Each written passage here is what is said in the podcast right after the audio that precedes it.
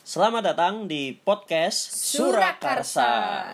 Sebelum mendengarkan podcast ini, Siapkan diri, perkuat hati asah budi, dan, selamat menikmati.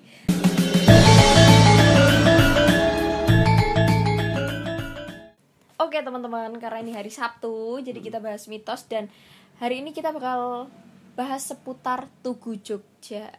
Bener nggak sih kalau megang foto atau meluk tugu Jogja itu bakalan rindu dan balik lagi ke Jogja? Nah, kalau artikel yang ku baca juga banyak sih yang kayak eh, menyampaikan kayak gitu gitu. Hmm, Cuman ya mungkin itu salah satu alasan kita orang-orang Jogja jarang ya. Jarang banget orang Jogja yang foto-foto di Tugu. iya. Ya kan? Ya soalnya kita Ya, emang ada di Jogja, kita ada kita, di jadi Jogja? nggak balik lagi ke. Jogja. Tapi sebenarnya kalau kita apa ya kalau kita lihat di ini kan ada megang foto kemudian meluk tugu. Kalau meluk kok rasanya nggak mungkin gitu. Iya ya. Iya. Berapa orang ya mulai?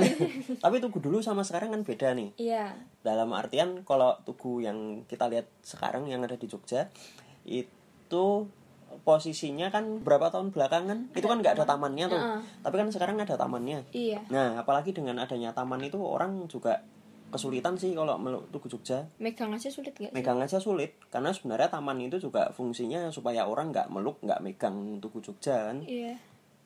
karena kalau semakin banyak dipegang ya namanya tugu Jogja kan kita tahu itu cagar budaya. Warna putih lagi. warnanya putih ya, dipegang-pegang gitu tangannya kotor habis megang apa gitu.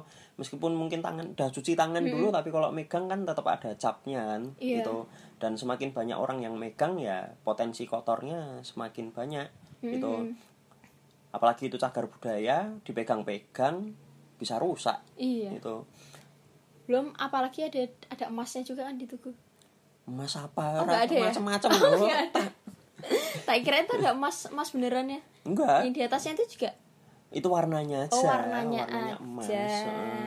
bukan emas beneran kalau emas beneran itu udah hilang lama itu Iya. kan pendek Oh iya. Heeh. kecuali kalau di Monas ya, Monas tingginya kayak gitu siapa yang mau ngambil emasnya Hmm. Nah kalau yang masalah tadi yang megang foto atau Hmm. meluk tugu itu bakalan kayak rindu dan balik lagi ke Jogja itu mungkin sama aja kalau misalnya kita ke kota lain terus kita Hmm. foto di ikonnya itu kita jadi kayak bikin kenangan di situ makanya mungkin kita bakal balik lagi ke kota itu kayak gitu sebenarnya nggak kayak gitu juga Oh, sih kayak Hmm. kalau kalau aku ya kalau aku tapi nyatanya juga nggak sedikit orang yang foto-foto di Tugu Jogja terus akhirnya nggak balik ke Jogja lagi Hmm. oh iya bayangin aja kayak anak-anak study tour gitu ya mungkin kemudian di kemudian tahun gitu Hmm. ada uh, mereka yang kuliah di Jogja Hmm. atau kerja di Jogja atau mungkin berkeluarga punya rumah di Jogja seperti itu mungkin Iya. seperti itu tapi kalau kita lihat misalnya bus-bus wisata kan banyak tuh Hmm. Tuh, sebelum apalagi sebelum KLB itu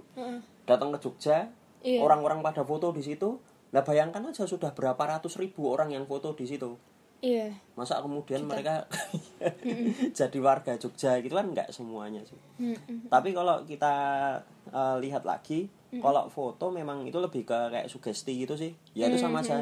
Kayak kamu belum ke Jogja kalau belum ke Malioboro Iya. kamu belum ke Jogja kalau belum foto di Tugu itu kan sebenarnya sama aja kayak gitu itu sebagai daya tarik aja saja nih beberapa waktu yang lalu itu memang ada pencurian ini lempengan tembaga di miniatur Tugu. Kan kita ada Tugu yang besar tuh. Kemudian sama pemerintah eh, kota Jogja itu dibuatlah miniatur tugunya.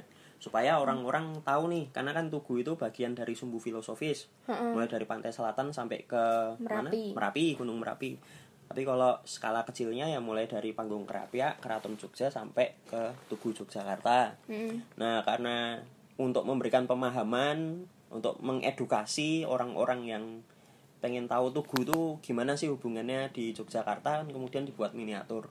Nah, di miniaturnya itu ada lempengan tembaga.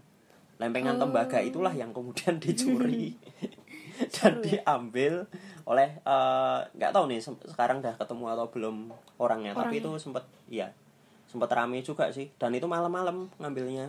Dan uniknya posisi lempengan itu kan ada di tenggara Tugu Jogja Mm-mm. di belakang pos pos polisi. polisi iya Iya. ya mungkin saking pas itu pas lagi rame kali ya Bukan pas lagi rame, malah pas lagi sepi. oh lagi sepi Dan polisinya, polisinya, juga pulang Hmm. iya, polisinya juga udah pulang gitu. Dan konyolnya adalah ya itu diambil gitu loh. Hmm. Oke, terus masalah itu kan salah satu kasus ya. Mm, mm, mm. Ada lagi kasus bule yang itu numpain cat merah. oh ya yang dari Nah. Ceko itu kan Nah, oh, oh, dan setelah baca-baca berita ternyata tuh dia cuma kayak cari perhatian temennya. Jadi dia tuh punya teman di Indonesia, Ya. seniman juga. Mm, mm. Terus dia di Jogja bukan bukan kalau aku baca dari Purbolinggo. Probolinggo. Probolinggo atau Purbalingga Probolinggo Oh, kayaknya. Probolinggo oh. kayaknya nah terus kayak temen dia pengen banget ketemuan sama temennya cuman temennya nggak mau tuh ketemu temennya itu yang orang Indonesia Ah-ah. orang Probolinggo itu iya nggak mau ketemu nah terus si bule ini berulah lah Hmm. makanya dia numpain cat merah di tugu kan jadi ini rame nih terus dia jadi masuk kantor polisi Mm-mm. terus ditanyain kenapa dan akhirnya temennya jadi tahu kan. Tapi ya salah satu cara dia cukup ini ya pinter ya, langsung cukup wah. pintar dengan cara yang bodoh. Iya. Atau cukup bodoh dengan cara yang pintar. Iya. Mm-mm. tapi itu bodoh semua sih.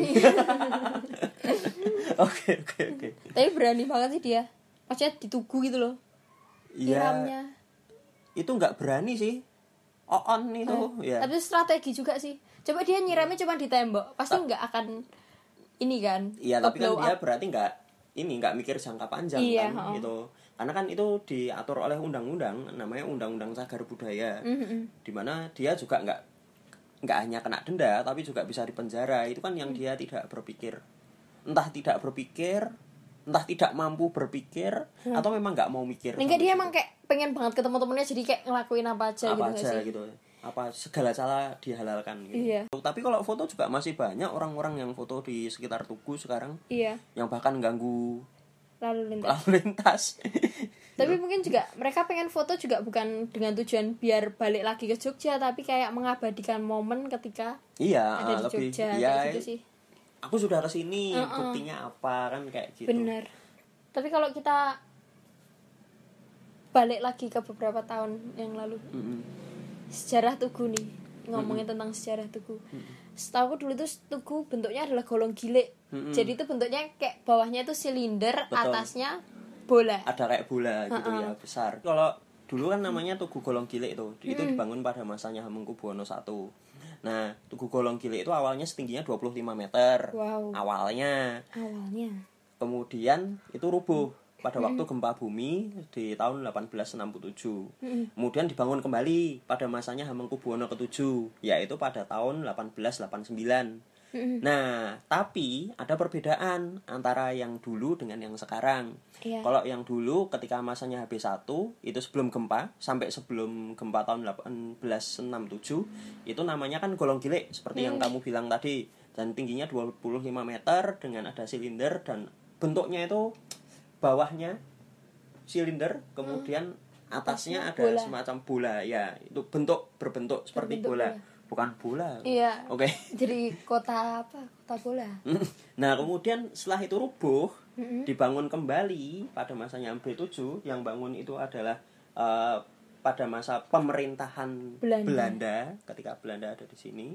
Itu kemudian dibangun kembali dengan warna putih dan bentuknya yang seperti sekarang itu lancip. lancip di atas Tingginya juga berkurang tuh. Dari 25 meter jadi 15 meter, sekitar 15 meter. Jadi ada pengurangan sekitar 10 meter kan di situ. Terus namanya juga kalau dalam bahasa Belandanya itu Dewi Tepal atau Tugu Pal Putih. Nah, tapi kalau kita bicara tentang yang kamu omongin tadi nih, golong gilik itu kan sebenarnya simbol persatuan. iya. Ketika di bawah yang jadi giliknya, penyangganya itu adalah simbol rakyat. Oh ya simbol masyarakat, simbol rakyat, kemudian di atasnya itu adalah simbol pimpinan atau rajanya. Makanya di situ juga sebagai simbol manunggaling kawulo gusti. Itu kalau dalam bahasa Indonesia bersatunya kawulo, rakyat, masyarakat Mm-mm. dengan gusti. Dalam artian gusti ini adalah pimpinannya, oh raja kalau di Jogja rajanya kalau di Jogja. Kenapa seperti itu? Karena kita bayangkan seorang raja tidak bisa sendirian, harus didukung oleh warganya, harus didukung oleh rakyatnya. Demikian juga kalau rakyat itu tidak punya pimpinan, maka akan Oh, geser iya. ke mana-mana nih, kan situ bisa sebebas-bebasnya. Makanya di situ butuh ada pimpinan. Iya. Nah, bersatunya rakyat dan pimpinan ini kemudian disimbolkan dalam tugu golong gilik Mm-mm. seperti itu karena keduanya saling membutuhkan nggak Iya. bisa jalan sendiri-sendiri Mm-mm. pimpinan butuh rakyat rakyat juga butuh pimpinan. Panutan ya. Betul seperti itu. Dan itu kan simbol persatuan. Nah kalau kita hubungkan tadi dengan Dewi Tepal Hmm, itu yang sebenarnya adalah salah satu upaya Belanda untuk merubuhkan semangat persatuan itu tadi semangat golong giliknya itu tadi oh iya karena kan kalau golong gilik kelihatan banget tuh. Heeh, Wah, ini simbolis banget banget, ya. nyatu banget, tingginya 25 meter. Ada eh, masyarakat juga tahu, masyarakat Jogja ya pada waktu itu itu adalah simbol persatuan. Begitu tuh roboh, ada kesempatan dibangunlah baru. Tujuannya kan bagus tuh, bangun baru. bangunin ya Bangunin ya, membangunkan yang baru, bangunin, Bangunin. dari tidur gitu. iya berasa kayak gitu Oke, membangunkan eh, oke simbolmu tak bangun nih, Iya, tak bikinin itu. Tetapi dengan desainku ya, dengan Hmm. bentukku seperti ini. Nah, desainnya baru. Artinya secara simbolisme itu maksudnya adalah untuk merubah dari yang golong gilik itu tadi. Tetapi sampai sekarang warga Jogja terutama Hmm. itu masih eh, menyebut bahwa Tugu Pal Putih itu ya memang simbol persatuan Iya. tidak ada hubungannya dengan perubahan bentuk itu eh, itu tidak mempengaruhi persatuan yang ada di Yogyakarta. Nah, jadi walaupun bentuk tugu itu berubah pada Mm-mm. saat itu, tapi kayak semangat persatuan masyarakat Jogjanya nggak berubah gitu Hmm, sih? benar sekali. Hmm. Oke, ya udah mungkin itu aja sih bahasan podcast kita pada hari ini. Jangan lupa besok Rabu teman-teman dengerin lagi podcast kita karena kita bakal bahas tentang kehidupan Kampus. kampus. Itu aja dari kita. Sehat jiwa. Sehat raga, selalu, Selalu dengarkan podcast Surakarsa. Surakarsa. Bye bye.